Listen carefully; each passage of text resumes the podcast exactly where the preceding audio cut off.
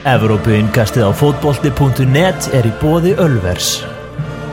Þú finnur leikinn í beitni hjá okkur. Sem og Karoki.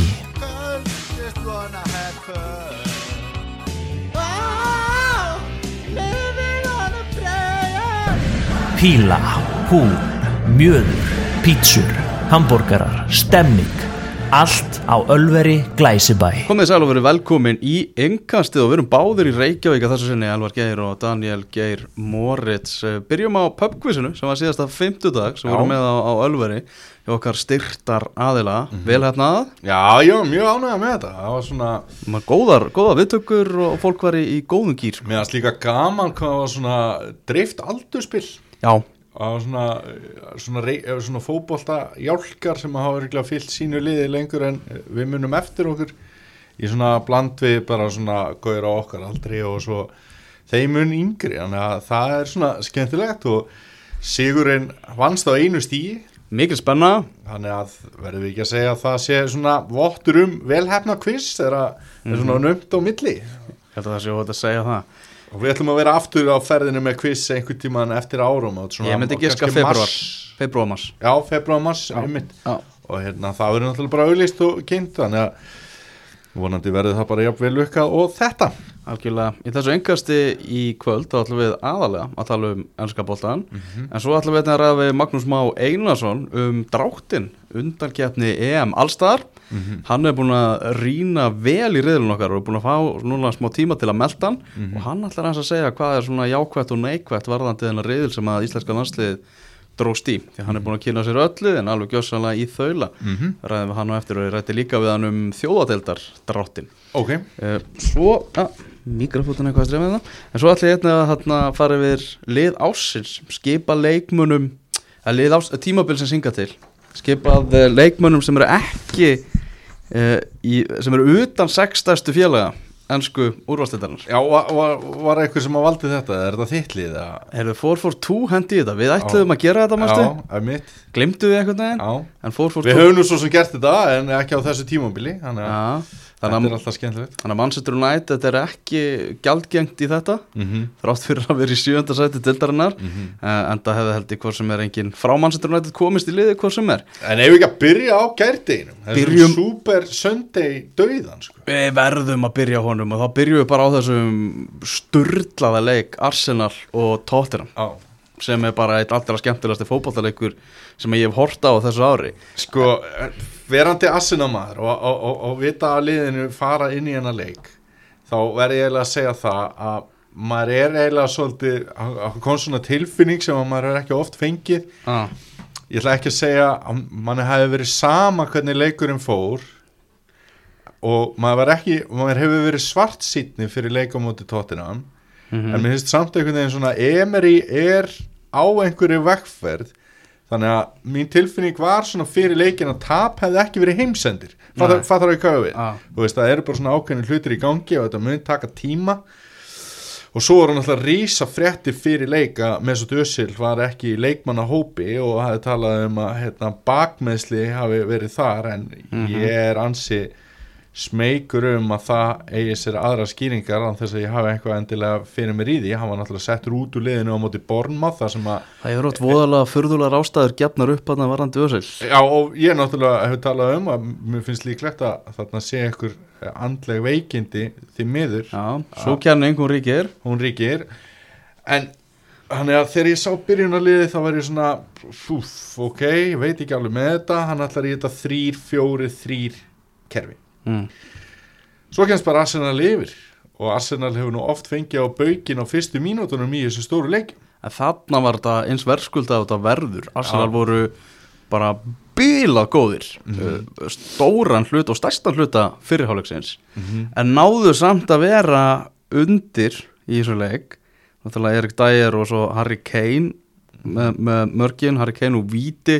Já, Va- þetta var nú frekar soft víti þetta var bara ekki Víti. Nei, það er eiginlega bara einfallega þannig. Já. það var bara svon fjall, það var engin, engin snerting það var bara ekki Víti. Nei. Uh, var þetta var alveg leikaraskapi bara Já, ég myndi jafnvel segja það. Já, ég er nefnilega, mér fannst þetta svona ég veit ekki, að því þetta er líka sonn og svona, maður heldur svolítið með honum. Hann er svona viðkunnilegur eins og við höfum nú oft farið yfir en hérna þá var maður einhvern veginn að því að það er einhvern veginn svo mjótt á milli þessara liða. Og veist, og eitthvað svona á þá að fara að ráða úrslinu þá hefur maður verið verulega pyrraður Mhm. veist, þá er maður ekki svona æja við töpum en emir í vegferðin er í gangi. Þá er bara svona hei við töpum og emir í vegferðin er í gangi út af einhverju Þú veist, þannig að þegar staðan var orðin þessi og út af einhverju svona bullvíti að þá hérna var maður ekkert sáttur þegar liðin gengu inn í hálfleik. En talað um hálfleik að þá hafa menn nú verið að tala um að Emri hefði verið með einhverja rosalega hálfleiksæði heyrðu, ég sko hugsaði í hálfleiknum Ég hugsaði bara svona, ok, hvað er Emery að fara að segja í hálfleik? Ég hugsaði, hann er að fara að segja, hey, stráka, bara höldum þessu áfram. Bara ef við höldum áfram nákvæmlega að gera svona, við erum bara óhefnir að vera undir Þá bara verður allt voða gaman. Heyrðu, en síðan gera hann bara tvöfalda skiptingu í hálfleik Ramsey og Lacazette kom inn á fyrir Mkhitaryan og Iwobi og ég hugsaði svona til hvers? Veist. Já, þetta já, er já, að spilast vel þegar þetta er að staðan sé ekki nægilega góð sko. en það er alveg ástæða fyrir því að hann er að þjálfa Arsenal og, en ekki ég. Og líka alveg ástæða fyrir því að Arsenal er bara aldrei yfir í hálfleik aldrei nokkuð tíma en ná oftast að, að snúa dæminu sem við í setna hálfleik. Og það gerðist svo sannarlega þarna og þetta var hrikalega verðskuldaður sigur. Mhm, Þannig að ég skil ekki akkur ég held ekki með Arsenal. Ég var svona pælið með hann í horðarleikin já. Og það er Þú átt alveg fullt af svona uppáhaldsköllum líka. Veist, það er ekki bara fótbolti sem hefur oft heillaði Nei. Það er líka, þú veist, þú ert belleri maður. Mm þú ert sjaka maður. Mhm. og þú er ekki, þú veist Ég, ég fíla ópið mig Já, ég ætlaði með þetta að segja, þú veist, já. er eitthvað annað hægt en að. Ég býði bara velkomin bara, nú ætla Sko- ég bara sko- að vera Sigurður Enoksson hérna og bjóði bara velkomin í á klubbin Sko, það, er þarna, ég, sko, það eru fleiri leikmenn í Arsenal-liðinu sem ég fíla heldur en í Manchester United-liðinu. Og nú er náttúrulega komin eitt leikmaður hérna í viðbót uh, Lucas Torreira Ertu að grína sem, sem ég var að lýsa mikið búin að lýsa ítalska boltanum. Á, og var að lýsa honum þegar hann var hjá Sampdoria. Á, og þá var ég svona, já, Lukas Torreira þetta er maður, gaman að lýsa Sampdoria leikjum út af þessum gaur. Þannig að ég held vel upp á, upp á hann. Og hann var bílað góður í þessu leik bílað góður. líka, veist, hann er í þessu hlutverki að venda vörnina og er svona, ég er svo ógæðslega að finna mynd á Facebook einhvern tíma, það var svona gaur að fara að leggja í stæði mm. og svo var eitthvað svona stór bíl og svona virtist þeirra stæði og hann eitthvað, hei, þarna er stæði, svo fór hann inn og það var pínulítið bíl í stæðinu. Já, og það var bara svona Torreira veist, það er svo lýsandi fyrir einhvern veginn hann, hann, hann er svona lítill en lætur til sín taka og hatar ekki að vera fyrir. Mhm. og svo er hann alltaf líka bara góður í sóknarleik Arsenal. Mhm. og hérna, meðast mjög gaman að uppleg Emery sem var greinilega það var svona nokkuð augljóst fyrir hann að leika vera með hann hápressu bolta. Já, og þá eru mar margar rattir hjá stuðningsmönnum Arsenal bara farin að tala um að dagar með svo dösil gætu verið taldir að því að hann hendar ekki þessum fótbolta. Er með svo döðsil mikilvægur heldur en Aron Ramsey hjá Arsenal í dag? Á ekki bara henda þessum laupum á Aron Ramsey bara halda þessum manni, hann var náttúrulega ótti frábæra var, ek- var, hann, ekki- var ekki X-faktorinn kannski í þessum leik? Má segja það. Já, var með og þú ert búin að tala um Torreira. Og Kolasíniak aftur að eiga svona ágættisleik hún svona var að fá líka hvað hæstu einhvernirnar hérna af varnamönnunum eftir leikin mm sem ég veit það ekki sko. Ég, það er svo erfitt að segja með Ramsi ég náttúrulega, þú baðast mig um að velja hérna einhvern tímann besta lið undir stjórn Arsene Wenger og þar var ég maður varamanna bekk og ég setti Ramsi þar inn. Mm. þú veist bara því að hann hefur gert fullt af góðum hlutum og þannig. Ég veit ekki, ef Ramsi er svona þá hérna að sjálfsögðu, en hann er ekkert alltaf svona þannig að maður veit ekki alveg hvað á að gera. verður samt eitthvað að vera svona undir stjórn Emery, annars sem hann náttúrulega stundum sem Arsenal hljóta fíla er líka bara svona hann var eins og tólti leikmaðurinn hjá Arsenal. Hann var á yði hérna í bóðvangnum þetta er náttúrulega alveg vantað sko. og svo náttúrulega líka þegar við nú aðeins eftir að tala um þegar við fyrir í næsta leik stjóra sem er á yði á bóðvagnum og kannski hleypur líka svolítið inn á og svona mm sem er Jörgen Klopp að þá gerir Emery í þessu leik sem að hérna liðbúrstöðningsmenn hafa verið svolítið að kalla eftir hjá Jörgen Klopp það er að bregðast við með skiptingum. Jörgen Klopp hefur þótt verið svona slakur í sínum skiptingum en þess að við klárum endilega að fara alveg út í það en í bregst við, veist, hann er undir eins og þú segir, en þú fattaði kannski ekki endilega hvað hva stress var í gangi með tvöfaldri skiptingu og það er var að spila betur heldur en anstæðingurinn þó að hafa verið undir. En hann, hann er bara óhrætt, óhrættur þessi gæja, hann gerir bara það sem að hún er dettur í hug og verðist vera með þetta útpælt og að, finnst þér ekki bara skína líka svona leikgleði af Arsenal? Jú, veist, það er bara gaman að klæðast þessari treyju og, og menn eru bara veist, að gefa Aubameyang og holding þess vegna og sjaka bara high five og það eru bara allir hessir já, og skemmtana gildið rosalega mikið. Uh, Er ekki, að, ekki bara að segja bara ásand sitt í skemmtilegasta liði í dag? Jú, Jú, en, okkur ekki? en, en Tottenham, varnalína liðsins var í sko, þvílíku vesinatni í þessum leik.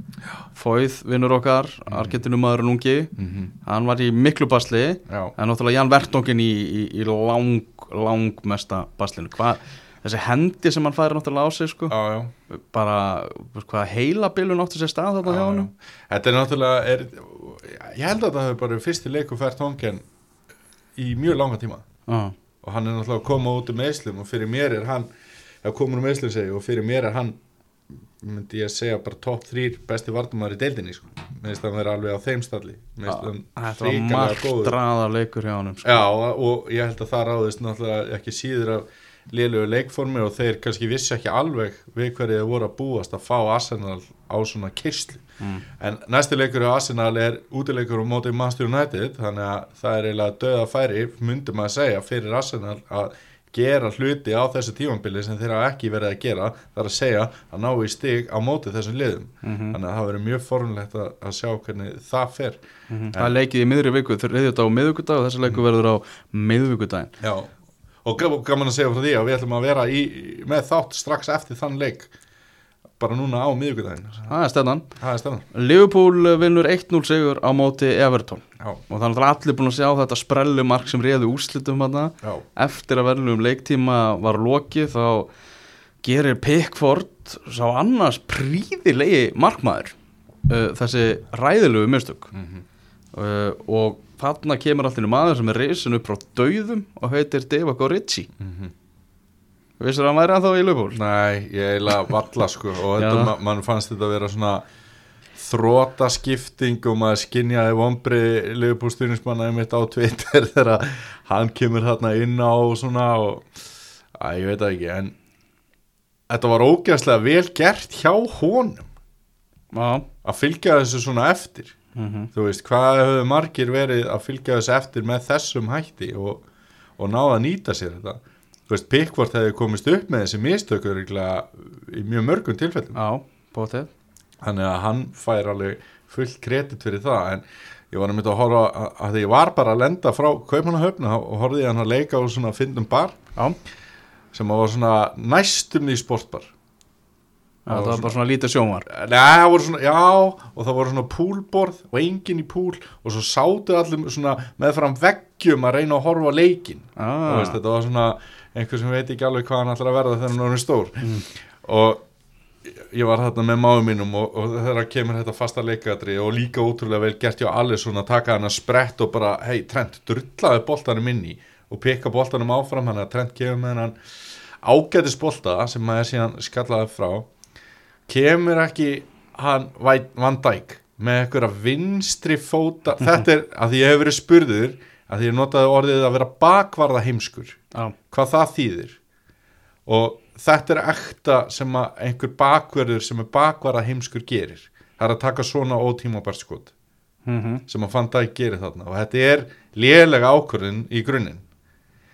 En svo verður hann alltaf bara verður þetta að stóðsendingu að því að boltin fer náttúrulega í þú veist, þetta er svo ótrúlega skríti hvað Pickford gengur til Þú veist, að reyna að grípa boltan sem er að fara yfir markið þú veist maður var svona hlæjandi meðan bolti var í loftinu sko. Já, ég var bara, hvað er þetta að gera? Djú, Með þetta og eitthvað. sjans Þú veist, hann hefði Ah. getað tekið bolta niður og eitthvað Nei, nei, tekur þessa vinstri fótar ömur yfir klippu og svo er náttúrulega snúningurinn á boltanum og veist, ég veit ekki eiginlega, já, já, hann var náttúrulega rosalegur.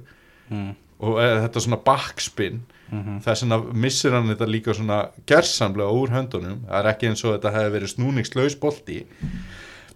En hvað minn almáttu hvað þetta voru dýr mistök í annars hundleiðilegum fótballtaleg Já, það er þeir sem voru að horfa á þetta áttu eða skilið að fá ykkur að Já, þetta var svona að halda þetta út. Það er ekki farnir búin að slökka sjónvarpinu og, og fyrir stundum með Liverpool þannig að bara eitt sætasti sigur í langa tíma og Ritchie var búin að spila í tvisvar í deildinu fyrir Liverpool á einu og hálfu ári. Þetta er náttúrulega bara þetta er bara kjaftaði sko. Ja, sko Everton bara liðið komið mjög langt og allt það en ekki alveg nægilega langt en, en er á þvílíkri leið sko. Sko, mér fannst lið, nei, hérna Everton liði vera að komið það langt að fá stig á Anfield. Já, það voru nánast konið Þú veist, það er, það, er, hérna, það er ekki framistæðin að kenna, það er einstaklingsmistök sem að kosta á þetta og varnarleikurinn hjá Everton eftir að Mína kom hérna í miðvörðin ég menn þetta er fyrsta markið sem að ég held að sé fara með réttmál sem að hann fær á sig þegar hann byrjar í hafsend mm. og þriði byrjunarlegsleikur í röð. Mm og hérna, vörninn bara lítur miklu betur út þegar hann er hérna með kín með sér. Mm. Það er mikið rætt um hegðun manna eftir þessa umferði í ennsku úrvastildinni búið að ákjara Jörgen Klopp fyrir, fyrir að hlaupa inn á völlin hérna í fagnarlátanum, misti sig aðeins í, í gleðinni Já. Er þetta ekki eðlilega ákjara bara? Jú, þetta er mjög eðlilegt En, en að sagmaskapið er kannski eðlilega hegðun hjá Jörgen Já, er það ekki? Ég ætla að mynda að segja það að hérna, uh, þessi fagnaðalæti finnst mér að eigi að kosta hann leikbann í næsta leik Þetta, þetta væga hliðarlínubann sem englendingar eru með, þeir eru ekki með bann það, mátt tala við liðið fyrir leik og í hálfleik, Já, þú mátt ekki vera í bóðvann, er bara upp í stúku einmitt, og mér finnst eðlilegt að hann fari í leikbann og verði ekki hérna, þá á hlýðalínunni í næsta leik sem er á móti Burnley. En ef ég hefði verið Liverpool stuðnismæður þá hefði ég bara verið ríkal ánaði með hann að, sína þetta passjón En samt margir lífbúrstyrjusmenn sem að voru klánaði með það en gátt ekki haft hátt um það því þeir hafa verið að gaggrina hósi Mourinho fyrir nákvæmlega Já, nákvæmlega ég sömu reyndar myndi ekki gaggrinu Mourinho fyrir það. Nei, ekki ég heldur. Þannig að ég hérna er ekkert eitthvað að- svona tala tvöfald með þessu en, en ég, ég var bara ánaði með klopp en hann náttúrulega á, þetta á ekki að vera í lægi hann á náttúrulega að fá refsingu fyrir þetta. Mm, Hvað fannst þeir um svona hegðun manna í kringum en og, Tottenham hann var hiti, hann var sálstal svona, Já, þetta, já, þetta, en- þetta myndi svolítið á gamla tíma Já og það var náttúrulega líka að gerast, þú veist, það var eins og er alltaf, það er að vera að rifja upp svona ummæli, þú veist, það var verið að rifja upp núna hvað Ian Wright saði einhvern tímann fyrir leik, þú veist, þá fekk hann einhvern tímann 400 nei, hann fekk, ég man ekki alveg hvað það var hann fekk svolítið háa sekt fyrir að tala um að, að Tottenham væri skítur mm. og hann var spurður út í þá sagt og þá sagði hann að þetta hefur verið besta fjárfesting sem hann hefur gert. Þú veist, þetta er alveg svona þetta. Ah. og við vitum náttúrulega hvernig Jack Wilshere talaði á sínum tíma og fekk oft bátt fyrir út í Tottenham og svo þetta Sol Campbell mál og allt það. Þannig að þetta fer alltaf að stað eh, svona að vera að hita upp fyrir þessum rík fyrir leiki. Mm og svo kemur núna hérna, með hérna, Ramsey að hann er svona látin heyra það þegar hann er að koma inn á og hann svarar bara með því að leggja upp tvö mörg viljum við ekki hafa smá læti í svona leikjum? Já, við viljum eins og það ekki fá banana híðina ég held að það sé að Nei, nei, nei, það er full- full- Já, full mikið veist, við, viljum, við viljum læti og pústra. Mér aðstæðum með sleðilegt í Liverpool Everton þegar dómarinn var að taka svona heldur tíða dómar að fundi. Já, í staðin fyrir bara Mér- game on sko. mér fannst það eins og að dæma þetta mjög vel því að þessi gaur, mm ég veit ekki hvað hann kemur sko. Nei, ég hef hvernig mista öllum leikir sem þessi gaur dæmir. Þetta er svona fyrsti risaslagurinn sem hann dæmir. Englandi ekki búin að vera að missa svolítið dómara Mhm. meðal hann út á skandölum einhverjum Snapchat skilabóðum og eitthvað. Hvað, hvað er hann Bobby Matley eða ekki, þetta er ekki sem að hann Jú. er komið til Norex mm -hmm. uh, og hann þessi, mér fannst að standa sér mjög vel svona Mhm. miða við, miða við leikinn. Mér aðst hann líka vera bara svona eins og Gauir sem var með mann í mentaskóla já, hann var viðkunnalur Já, hann var einhvern veginn svona Gaur frá Húsavík Já, sem einhvern svona maður kannast svona við hann. Var með hann í mentaskóla, hann var eitthvað annari braut en ég. Og svona ekta þannig gæi veginn. Já. En jú, jú, þetta dændan hann leik vel en æ, þessi dómarafundir eru oft liðilegir Enda, endaði eitt dómarafundurinn eða svona, það stemdi eitt dómarafund sem að Alisson gjörsamlega bara eitti, sástu það? Þegar hann kom að það og sagði öllum að grjót halda kjafti, sko. Heyrðu, allir sem var þvílíku töffar Já, ég var, hann hækkaði álita á mér eftir hennan leik. Hann er ekki bara frábæð markmaður, hann er líka bara presensið og, og karakterin tekur hann hefur. auka spilni eins og ég talaði um áðan kom þarna, sagði öllum að grjóthalda kjafti þannig að Já. já, já, vel dæmduleikur og, og skemmtileg upp að koma í annars leiðilegun leik. Rúlum yfir aðra leiki sem voru um helgina vantarlega þessi leiku Chelsea og, og Fulham. uh, þar sem að Chelsea vann 2-0 sigur, Ruben Loftus Cheek með annar markið, hann er búin að gera allt sem hann getur gert til að reyna að koma sér í, í mjúkin hjá Mauricio Sarri, búin að vera frábær í Evrópadeildinu og búin að nýta eða hverja mínútu alveg, alveg skrampi vil, hann getur ekki gert meira. Nei. en hann er ekkit að fara að fá að spila meira. Nei. Það er svo sem ekkit mikið meira en þennan leik að segja. Giroud Kanto, Kante, við vorum að tala um það svona, með sóknatilburina, hann leggur náttúrulega upp mark. Hann leggur upp mark, hann var gæðveikur sem bara svona box í box miðumæður þarna sko, já, já. Hann getur þetta alveg. En á móti kemur að þetta var torsóttu sigur í rauninni hjá Chelsea og enga veginn svona jafn stór og menn byggust við eða samfærandi og Oliver Sírú Var þetta samt ekkert um henni eða? Nei, nei, en, en Chelsea Fulham á að vera svona potential síning Ah. á Stamford Bridge og þessi leiku var það alls ekki. Oliver Sírú byrjaði og hann var ekkert mikið betri heldur en Morata hefði verið. Mm en hérna bara þrjú stig og vel gert og áfram gagn. Mhm. Það er þessi leikur Southampton og Manchester United. Það er bara eða sama sagan hjá Manchester United Guðminn Almáttur uh, er Hvernig var að byrja leiki bara í byrjun? og, Pól, og hann Mourinho og Paul Pogba hann heldur áfram og uh, allt, ég veit ekki hvað, á að segja sko, sjöndasætið sem Manchester United er í það segir nákvæmlega bara til um það hvernig United er búið að vera á þessu tímabili. Já, hann er náttúrulega tvent mjög gott fyrir United eftir hennar leik. Romelu Lukaku er búinn að skora. Mm. hann hefur ekki verið mikið að gera það. Það er alveg búin að vera fitna. Já, við erum það en sammeilið Herri, og svo er það að hitta að Marcus Rashford hann laði upp tvö mörg og átti góðan leik að því að hann hefur líka fengið svona bátt fyrir sína framistuðu og svo að mínum til lélegasti leikmaður í sögu United með að spilaða mínútur, Andri Herrera hann byrtist allt í hérna þarna í byrjunarleginu og hann átti fína leik mm. en þessi úslið það er það mikil vombrið hjá Sáþántun að gera jafntefli á heimavelli á móti United að þeir reka stjóran sinn United er orðið þetta mikið pappakassalið að sá þá þú bara heyrðu kallið minn Mark Hughes, látin fara.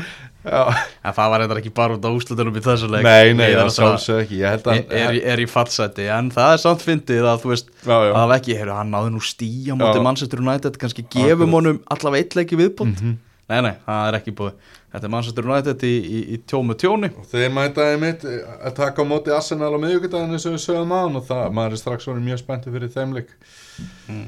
Og það er Ralf Hasenhöll sem er á að fá það tækifæri að, að stýra sáðatona, hann er alltaf eftir á blaði uh, sagður, ég veit ekki hvort hann sé að fara að taka við þessu. En það er guður sem var hjá RB Leipzig svona austuríkismæður Á, ok. sem, sem náður svona klifra upp meturastegan í Tískalandi Hann Kom... Það hafa líka, líka eitthvað verið að tala um Chico Flores og eitthvað sem var á Watford. Jú, Já, hann hefur líka verið nefndur en það er sagt að Hasenhöll sé, sé efstur á blaðinu. Ok, uh, Newcastle United West Ham 0-3 já þetta, Er þetta ekki hvað óvæntast úslit helgarinnar? Chigarito með svona fyrstu tvennu síðan í ágúst hann myndi þarna aðeins á sig. Já. Kom, kom eins og þrömm á reyðskýru Já. Ég er ekki að segja að það sé svona rosalega óvart að Vestham kannski vinni Newcastle en 3-0 og þú veist og Newcastle búið að vera að ganga vel veist, oft farið yfir hvað erum með góðan stjóra og jari, jari, jari. Að Vestham kemur hérna bara og pakkar þeim saman Já, og stuðnismenn Newcastle voru eitthvað svona að standa fyrir mótmælum. Mæ, mótmæla hérna Mike Astley einaferðina mm ennsku Mhm. þetta voru frekar á auðum mótmæli. Já. Það var hérna alltaf að yfirgefa völlin eftir 11 mínútur. Nei, allir er ekki að mæta á 11 mínúti Já, það, Já, ég held að það var eitthvað svoleiðis. En það voru svo fáir sem tóku þátt í þessu að það sást ekki á að það, voru bara nokkuð hundur mann sko. Þannig að- þeir voru að gera sitt besta Já, þetta er orðið svona svolítið, svolítið svona þungt yfir en þeir gera sitt, gera sitt besta. Mhm. skrambi góður sigur hjá, hjá Vestan. Uh, Manchester City með 3-1 sigur á móti Bournemouth. Já, það var bara eins bara Solid og, og, og Manchester City Já, Eru ég, ég held að þessi leikum myndi enda í aftefli Nei, Jú, ég, ég er ekki að tjóka að því að Bornmáð jafnar þarna og, og, og svo komu hinn mörkin svona ekkert eitthvað strax á eftir. Og Akku er og ekki hóp og ég held þetta yrði eitthvað svona vannmatsleikur ég er að segja að ég held að hann að myndi fara í aftöfli þegar staðan voru en 1-1 Mm. Það er ekki að tala um svona leikjálaðið og törnin í anska boltanum sé svolítið að, að láta til sig segja hjá Aguero Já, Þannig já, að- en ég þannig að ef eitthvað anskotans lið á að geta brúðist við því þá var það þetta. Já, algjörlega, en, en ég, bara, þú veist. Já, og hjá honum persónulega. Já. Alltaf er ekkert búin að eiga sérstætt haust Það verður bara að sést þess og er. Ert ekki hrifun á hann Jú, jú, hann er alltaf gæsalega Hann er náttúrulega búin að sitja rána sjálfur svo ótrúlega já, hátt já, sko. en ég þú veist, það eru margir framherjar búin að spila miklu betur í haust heldur en hann. Mm. Til dæmis framherji Borma sem að skoraði þessu leik Svo dæmis er tekið Mhm. Það eru Lester 2, Watford 0 Já, Þar komu, kom Mattisson, ferskurinn, þinn maður. Já, já, þú varst búin að afskrifa hann. Nei, ég var nú ekki búin að afskrifa hann en, James Mattisson, eftir að hafa fengið gaggrinni frá þér í síðasta há bara Svaraði hann strax. svaraði hann strax. Frábært mark sem hann skoraði. Já. og hann var bara þrúsu flottur í Já. þessum leik. Jamie Vardy var tekið víti annan leikin í rauð til honum. Þannig að Mér finnst bara magnaðilega sko þar á heildinu litið að lesta sig að halda Jamie Vardy. Það er oft fyrir hans í orðin sko 31 ás Nú er hættur að spila fyrir hanska landslið Þú veist, er það Ég myndi bara taka áhætt á hann ef ég væri bara topplið sko. Já Þú ekki verið nema bara svona í rotation sko. Fekk Og það væri ekkit að taka áhætt Það væri ekkit áhætt Nei, nei. Hann er bara að martruð fyrir varnamenn, varnamenn að mæta þessum að hann myndi henda vel í þetta kloppdæmi Já, nákvæmlega. Hann alltaf fekk búðum að koma til Mm. Arsenal sem hann hafnaði, hann fyrir tveimur árum eða hvað var. Ah. Þannig að hérna, þetta er, er ekki það að menn hafa ekki verið að bera víðarnar í hann. Mm. Höttersvild 1, Brighton 2 Þar mætir hann að Florin Andone sem skora sér fyrsta úrvalsdeldarmark Já. Þannig að það, er, eru tíðindi. Sjóli Mars, hann er með hérna tvær stóðsendingar, hann er flinkur sparkari sá gæi. Ok. hann er svona daldi hægur, leftari og hérna er svona ógeðslega góður í fótbolta. Maður eru svona tekið eftir húnum oft á tíðum og þetta er svona gæi sem maður er alltaf á leiðinu að hendi fantasiliði sitt af því að hann er ekki dýr. Mhm. og maður hefði betur gert það fyrir þennan leik. En hérna, svolítið fyndi hverju skoriði fyrstu tvö mörkin, það er Sanka og Duffy það er svona krafta miðvara mörk sem að sk- verða þarna breyta stöðin í 1-1 Duffy drúur maður. Já, hann er mjög drúur, svo kemur Andóni og skorar hérna sigur marki og þetta er náttúrulega sterkur sigur hjá Brighton og Huddersfield er bara í já, þeir þeirra svona áhlaup er liðundi loka allavega í bili. Ég horfði á the Day á, á lögðarskvöldinu Já, Crystal Palace Burnley 2-0 endaði fyrir Crystal Palace. Það hefði getað enda svona 10-0 Við erum að tala um því líka einstefni er, er, er hérna okkar maður Sean Dice, er hann komin í heitasta sæti núna? Sko þetta liður bara rúið öllu sjálfströsti Þeir eru ævintýralega lélegir. Það er bara þannig. Uh, En, já eða nei, er hann í heitasta sæti? Heitast að segja, nei. Ég ætla að segja nei. Ég ætla að segja að það sé eiginlega bara Hósum Mourinho? Nei, það er Nuno hjá Úlfon. Ok, Ég ætla að henda honum í heitasta sæti já, förum þá bara í þann leik. Já, Cardiff 2, Wolves 1 Aron Einar Gunnarsson. Já, Það var svona mikið talað um það að hann hefði kostað þetta mark hjá, hjá Wolves. Átti, átti mannin en þegar ég horfði á þetta aftur þá var þetta nú ekki alveg svona það var ekki jafn, þetta hljómaði eins og bara hann hefði bara gefið þetta á Já, silfurfatti sko. já. Bara Ívar Ingemanns hérna á Já, lögatarsvelli það var alls ekki þannig en, en vissulega áttar mannin sem, sem hann skoraði. Þú veist þetta er hérna kemur hérna frákast skiluru og bóttið dettu til hans mann sem er svona erfitt að eigast við Ok, eiga við. Mhm. Uh, en Aron Einar bætti þá uppi með þessu skemmtilega marki sem hann skoraði. Já, frábært mark. Frábært mark. Annað úrastelda mark hans og við erum að tala um að Cardiff hefur núna unni þrjá á síðustu fjórum heimaleikjum þar sem þeir hafa lent undir. Sem að kannski segni, sýnir sig að þetta er, að er karakter í þessu liði það Já. er barátta í þessu liði Já. og voru nokkuð búin að blóðmjólka allt sem hann getur mögulega úr þessu Cardiff liði. Já, og ég bara vonaði innilega að hann fái smá pening til að styrkja liðið í januar til að hann geti svona fengið smá andrimið því að menn eru bara, þú veist, það eru allir bara yfir levelið sitt eiginlega í liðinu sko. Það er eitt sem er mikið, mikið talað um, það er Nathaniel Klein, Mm. bakur í Liverpool, hann er að koma þetta. Já, Það verður formulegt, það verður náttúrulega, ef ég væri hann, þá myndi ég alveg verið til í að fara á lán þangað, þú veist, þeir að koma mér aðeins í gang. já Þannig að sterkur sigur hjá Cardiff. og nú nó, við erum að tala um eitt stig e, af átján mögulegum núna Já, það er ekki gott Það Það er- heldur betur að veskið rifið upp Já, það er málið. Þetta ekki sammála mér í eitasta sætinu? Hverju eiga Ah. Wolves? Þeir eiga, þeir eiga Chelsea síðan. Í, Já, á veistu miðvikudaginn. að ég er sammálaður Já, við erum að tala um það að svona helstu leikinnir er á miðvíkudaginn. Við erum að tala um Watford, Manchester City á morgun. Svo er það Burnley, Liverpool, Everton, Newcastle, uh, Wolves, Chelsea, United, Arsenal og Tottenham, Southampton er svona meðaleikja sem eru hérna í miðri viku. Aha. Uh, Balotelli, Já, hann er í vesinni. Hann er að öskra á Arsenal Legend. Patrik Vieira, Ah. stjóra sinn. Mm -hmm. var tekin út af, hann er ekki búin að skora á tímabilinu var tekin út af um helgina og let Vieira heyra. Það og hann er vantilega að förum í, í janúar. Uh, Ballon d'Or. Uh, þar, ég veit ekki það í kvöld. Mhm. alltaf þetta tekið upp, það er ekki búið að tilkynna sig vera ég ætla bara að segja hér og nú það er engin betri Mhm. Engin betri heldur en Ronaldo og Messi í heiminum í dag ennþá. Sama þráttur að sé alltaf hver er að fara að rjúfa einokunum og hvað þannig og líklegt að Modric vinni þetta. En En- Þú er bara að tala um 3. desember 2018 Þú Já. veist, af því að það er svo mikið talað um Mbappe og eitthvað svona sé að fara að gerast. Ronaldo og Messi eru ennþá Já, tveir bestu fótballtamenn í heimi og Messi er nú ekki eins og tilnæmdur núna. Æ. það er hann að segja Erum það komið að liðinu. Mhm. Úrvalslið ennsku úrvalsleildarinnar á þessu tímabili fyrir utan sex stóru félögin. Þeir fá nægilega mikla aðtegli en að nú förum við í hitt. Í markinu Ben Foster hjá Watford. Hjartanlega sammála því. Já, það gerir rosalega mikið að hafa svona áræðanlegan markmann. Já, í hægri bakverði er Aron Van Bissaka hjá Já. Crystal Palace. Hann átti til dæmis frábæran leik um helgina Já, þetta er alvöru leikmaður. Ernett leikin og það er- strax byrjað að orða hann við stærri lið og svona og bakvarða dúettin hjá Krista Palas er ríkalega öflugur. Já.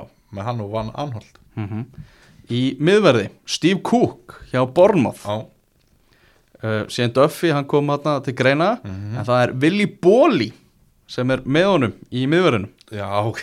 Það er bara, já. Úlfurinn sjálfur Það er alltaf að- mjög leiðilegt að Harry Maguire sé ekki þarna svo að ég taki upp hanska fyrir minn mann.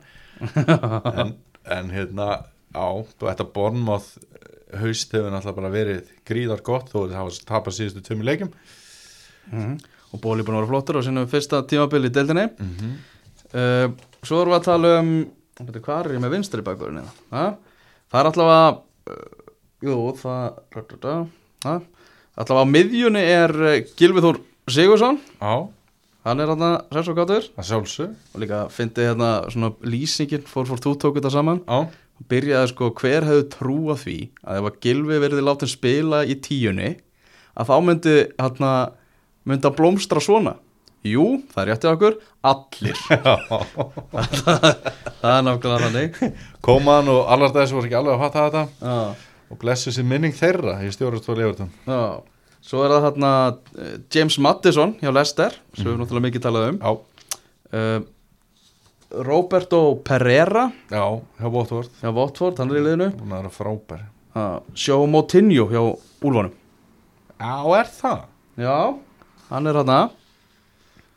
Hann það er ekki búin að vera alveg næra hrjóna á hann Mm, Til að fara í svona lið? Hann er með tvær leikilsendingar að meðaltali leik og 3,2 tæklingar Það er, það er, það er svæðið yfir honum á miðunni Ok, Uh, Richarlison hjá Já. E- Everton. Sammála því. Hann er náttúrulega búin að vera reynilega magnaður mm og kann að spila fyrir þennan stjóra. -hmm. Ryan Fraser. Já, ég ætlaði að býða eftir með það og fá að vita með Ryan Fraser. Ha, Ég, bara beið eftir að þetta nafn kemi sko. Það hefur orðið brjálaður. Hva, Hvað heitlaði mest við Ryan Fraser? sko, það sem að mér er svo gaman með Ryan Fraser, það er hvað hann er einhvern veginn svona e, lappastuttur Mm. hann er svona spaugilegur á velli og einhvern veginn, og svo er hann bara drullu góður, maður er einhvern veginn svona er alltaf að býða eftir að hann sé búin að spila algjörlega yfir getu en svo bara heldur hann áfram að delivera og, og gengur bara vill Já, nákvæmlega. Heyrðu, Holebas er, er Já, vin- vinstri bakverði Einmitt, hjá Watford. Já, Watford, Já. ég er búin að finna það. Lukas Digne bankaði á, á dyrnar. Eðlilega Þetta er, þetta er uh, úrvarslið, ansku úrvarsliðarnar hinga til hjá uh, leikmönnum sem er ekki hluti af, af sex stóri. Ok. En Daniel, þú ert að fara að drífa þig í bátinn, Já, í Herjólf, akkurat. En Það er landið að höfn. en innkastin er ekki lokið því að nú ætla ég að fá þetta til mér Magnús Má Einarsson og við ætlum að skoða aðeins þennan riðil Íslands í undankeppni EM. Innkastið. Fótbolti.net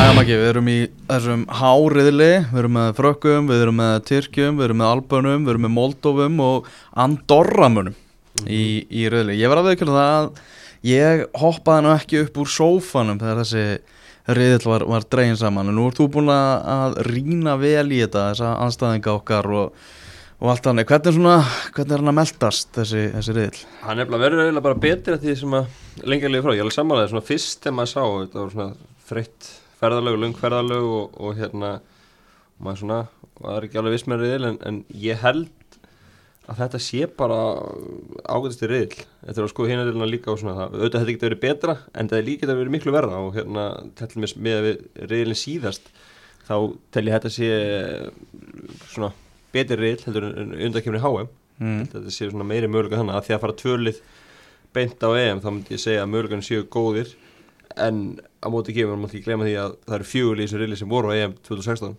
Mm -hmm. og það eru bara tvöður að fara beint áfram á EM 2020 þannig að það segir alveg sitt. En, en ég held að Íslandi er fína möguleika og það sem kannski stendur upp úr við erum búin að þetta er hvað þau gengir vel á móti sem anstæðingum í Já. gegnum tíðina. Það er svona eðlum sem stendur upp úr. Tyrkin er Íslandi búin að vinna Tyrki þrísvar uh, í sérstu fjóruleikjum undanfarn ár og náttúrulega með og eini leikur sem tapaðist var 1-0 tapa á á 90. mínúti í Tyrklandi og þá urðu Tyrkir að vinna til að eiga séns að meðan Ísland var komið að EM. Mm leikur sem að svona, veist, íslenska liði hafa miklu meira undir í þeim leik heldur en hjá Tyrkjunum, þannig að gengið ótrúlega vel með Tyrki. Tyrkir að tvís og steinlegin og lögatarsöldi og við munum eftir þjórnuleiknum í Eskisi hér í fyrra. Þannig ég er tiltölulega brátur Já, þannig að frakkanir eiga bara að rúlu yfir hennar riðil. Já, já, það er klárt, en, en svo er það líka annað, ég menn Ísland gerir jættefli við á ind- hérna eftirmjölulega 98 Guðið Þorðaða Kistur og Ingur Hannesinni og, og, svo, og svo afturinn í haust Já. þá gerir Ísland jættefli við Frakland þannig að uh, Ísland hefur láðin að, að gera eitthvað á móti uh, frökkunum, en það er nokkuð ljóst að þeir, þeir, þeir valdi verið að held ég, þeir, þeir lappa áfram, ég að þeir þurfi ekki að hafa neina ágjur þetta er bara spurning hverju fara með þeim. Og þar eru Tyrkland, Ísland, Tyrkland og Albania sem ætlar að fara að berjast ég held að Albananir gætáleg blanda sig eitthvað leiti í, baraturina Já, fyrir þessi lið, Frakland, Ísland og Tyrkland þá er kannski Albanía svona varasamasta lið. Já, algjörlega Ef þú mistuðu á, á- á móti þeim þá, þá getur, þú setið eftir. Já, já, það er klart mál og, en, en hins vegar eins og í fymta styrkleikmarki Moldavíja, það var mjög fínt að hafa Moldavíð þar Mm. Moldavíð er neðar á heimlistanum heldur en Andorra sem er í sjötta styrkleikmarki Já, Moldavíð ok. Moldavíð Moldavíð hefur ekki unnið hérna, í síðustu tveimur undakefnum fókbaltaleik Þeir eru með 0 sigra í undakefni HM og EM í síðustu tvö skipti. Þannig að við erum með tveimur liðum að það sem við getum bara sagt er drast. Ég meina, það er bara, það er bara bannað að tapa stigum á þessu Já, já. lið Bara Moldavíð og Andorra, þetta er bara að vera 60 og 60 og bara 12 stig komið strax í hús. Og þá er spurningi hvernig spilast á móti hinnum þreymur þjóðunum. Já, að það er rúmlega 20 stig til að fara, fara áfram myndi, ég halda. Mm en það eru mikla líkur á því að, að það ráðist hvort að við verðum að förum með frökkum áfram upp mús riðli í þessum bara innbyrðisleikjum á móti, móti Tyrkjum. Já, algjörlega og, og svo á móti Stu alltaf að segja, bannaði misti sem móti að Moldavi og Andorra og, og eins á móti Albani þá þarf að fá, fá helst 60 þar á móti Mm. Albani og, og það er ekkit, ekkit gefið, menn þeir voru á EM 2016 Kristef Panucci er að þjálfa núna, Það er eitt Já, við stjórnvölinn þar sko. Gamla kempan. Hérna, ég meni þetta bara þú veist, land þar sem er gríðalur fótbolta áhugi og, og, spurning. og bara hefð fyrir því að, að, fó, að fólk sé í fótbolta þannig sko. Já, bæði Tyrkland og, og hérna Albania voru hásbreytt fyrir að fara upp úr riðlinum á EM 2016 endur í þriðarsætti bæði, það voru tvölið sem voru ekki á, áfram besta álugunni í þriðarsætti, það voru einmitt þessi tvölið í hérna EM í Frakaldi þannig að þau voru ekki eins og nefndi í læðarsætti í, í riðlinum. Mm -hmm. þannig að það, þetta eru bæði, bæði mjög öflulið en, við höfum, höfum séð þessi leikjum á Tyrkjum undanfærin ára að Íslandið er betra. Já, ef, að, ef að allt gengur upp og, og það er vonandi að þannig að haldið áfram. Já, reyndar með alveg ágætis leikmenn í, í, í sterkum deltum í Evrópu, það vantar ekki. En svona, ég tók þetta því á Twitter í gæðir að fólk var ekki alveg með á hreinu hvernig þetta er með hversu mörglið fara áfram. Þetta eru bara tvö lið úr hverjum reyðli sem fara áfram. Þá eru komið 20 lið. Nákvæmlega, það er ek, þriðja sæti skiptir þá bara engum máli Já. vegna þess að hefur svo kallar umspil sem tekur síðan við Já. það er bara þjóðadeildin sem ræðist þar Já. og, og þar eigum við ef við klúðurum þessu reyðli náum ekki að vera í eftir tveimur sætunum þá eru mikla líkur á því að við förum í þetta umspil í gegnum þjóðadeildina en við förum kannski bara nánar í það síðar því að við ætlum okkur enda í topp tveimur í, í þessum, þessum reyðli Já, það er engin, engin spurning og hérna þetta eru, eins og segi, Tyrkinir þetta, þetta verður hörkuleikir á, á móti þeim og, og þetta gæti mögulega ráðast einhver leiti í næst síðasta leik næst síðasta leikunni í viljunum er Tyrkland á útivelli ah. 15. 14. november og hérna síðan tekum við leikur á móti Moldavíu síðasta leikur þannig að Íslandski lið er ekki fara að tekja sig áfram á laugadarsvelli á öllu líkindum okay. Það vant að tve- tveir sístu leikinu eru útivelli þannig að það verður vantilega það sem liði tekið sér áfram að EM 2020 ef, ef allt gengur upp Já, akkurat. Aðrir riðlar, það er svona einn riðil sem að ég er svolítið öfundsjúkur út í sko. Og var sérstaklega kannski öfundsjúkur út í gær svona fljótlega eftir, eftir dráttin Já. ég var búin að tala um það að ég var hrættur við að lenda með Nóri í riðli og bara óttin við að Lali Lagabakk sé að fara að skilja okkur bara eftir sko. Mm, það væri mjög vilskjöldur Já, en ég hefði tekið á mig að vera með Nóri í riðli já, til að fá að vera með því sem F-riðli þá hefðu við verið í staðin fyrir Svíþjóð. Já, En auk þess er riðlunum Spán, Noregur, Rúmenía, Færejar og Malta. já en þannig er þetta svolítið Þetta var mikið næstu svona Óskarriðil. já, en þetta er svolítið mikið að horfa bara í hérna tvö næðstuli því að færi og allt eru ógslag fín lönd og svona Ah. en þú veist, það er ekkert grín að vera með Rúmeni og Norri veist, þetta er líka alveg mjög erfiður riðil Já, já, þetta er það sko. Að- og spán í efstaflokki þannig að ég, veist, ég, ég hefði jú, jú, kannski tekið hann frekar en ekkert mikið frekar, þetta er mér finnst það svona nokkuð, kannski áþykir riðlara styrkleika Mm. Ég hendi á hérna, fótballtopptunni tvittið, mun Ísland lenda í öðru á tveimur eftir sætum riðilsins og það er 77% sem segja já.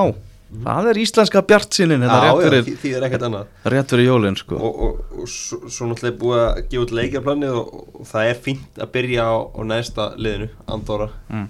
Svona eftir, eftir svo læðið sem Íslandslið er í þá hérna er þannig mjög góð tækifæri til að spilnaði fótum og, koma til Sigurbjörn og nýja leik. Þannig að ég er mjög bjart á það að förstarskvöldi 22. mars þá byrja Ísland á Sýri á, á móti, móti Andorra. Ah. við leikur á móti frökkum. Bónus að ná okkur á móti frökkum útvöldi þannig að þrjústi væri bara ásættalegt í þessum fyrstu tveim leikum fjögursti væri mjög gott og sexti væri alltaf gjössalega stórgóðslegt Mm og svo, svo koma tveir heimaleikir í, í júni og þeir gætu ráðið rosalega miklu eins og þeirri það er Albani og Tyrkland og þar þarf að ná í 60 það eru tveir risa heimaleikir í júni þannig að þegar helstu deildur Evrópu er lokið þá ah. verða strákarnir að, hérna geta ekki fyrir stað í sumafrí því að þannig að eru bara leikir sem getur ráðið úslim í þessu reyli þessi tveir leikir. Mm Þetta verður eitthvað englendingar rétt að fara mjög auðveldlega upp úr sínum A-reyðli Tjakkar getur kannski eitthvað sett strikki reikningin en þetta eru Búlgaria, Svartfjaldaland og Kosovo Já, annars er þetta náttúrulega alveg niður í jóð-reyðil sko. Og svona eins og segir tvölið sem fara beint áfram þannig að öll stærstu lið Evrópu ættu að tryggja sér leið bara í gegnum þessa, þessa undakefni ef allt er, allt er eðlilegt. Við vorum svona að tala um reyðilin okkar hérna svona áðan baku tjöldir maður ekki að þetta var kannski ekki svona mjög tólfuvætt reyðill að til leiti að maður sér kannski ekki myndast eitthvað þvílíka stemmingu eins og maður frekka kynast í Hollandi og svona Nei. í, í undakefninni nei, ég held að það verði einmitt ekki því að það sínst tveir leikir eru í Tyrkland og Moldavi er- er tvíhjóði mm. og ég held að það sé meira en að segja að fara að skipa eitthvað ferðalög í, í þann tvíhjóða ef allt er undir. Mm þó ég efast ekki með einhverjum íslendingar leikið á sig þá held ég verði ekki, ekki margir. Og svo samanskapi kannski tveir ferðavæn uh, svona bestu ferðalögin eru í byrjun það er Andorra og, og Frakland og, það er fyrstu tveir leikinu þá náttúrulega móti bara eftir að byrja á svona þannig að ég, já, ég held að við séum ekki að vera svo tólun að fylla margar stúkur út af öllu Nei, það er bara þannig. En þetta er keppnin sem, sem að allt snýst um og þarna er stóra prófið fyrir okkar nýja landslýstjálfara, Erik Hamren. Já, við skulum bara vona líka að allir verið heilu heilsu. Núna bara múið að pakka mönnum inn í bómul og og hafa með kláraðan í, í mars. Ég held að, held að það það vonandi verið bara allir heilir því að það veitir ekki af mæta frökkum hana aftur og, og það, það er smá kannski vond að hafa gert því að á um daginn þegar nú mæta þeir, það er ekki, það er sko null vannmatt Já, já, hjá frökkum núna og þeir ætla að kvita fyrir þetta 21 um daginn. Þeir varst ekkit gaman þegar Íslandinga mættu hann skemmtu þegar Sigur Hátti sem var í gangi það þetta átti að vera Mhm. já. svo allt í náttúrulega tjónum fyrir Ísland þannig að, þannig að þeir verða, verða mjög gýraði frakkarni í þessum leik. Þeir verða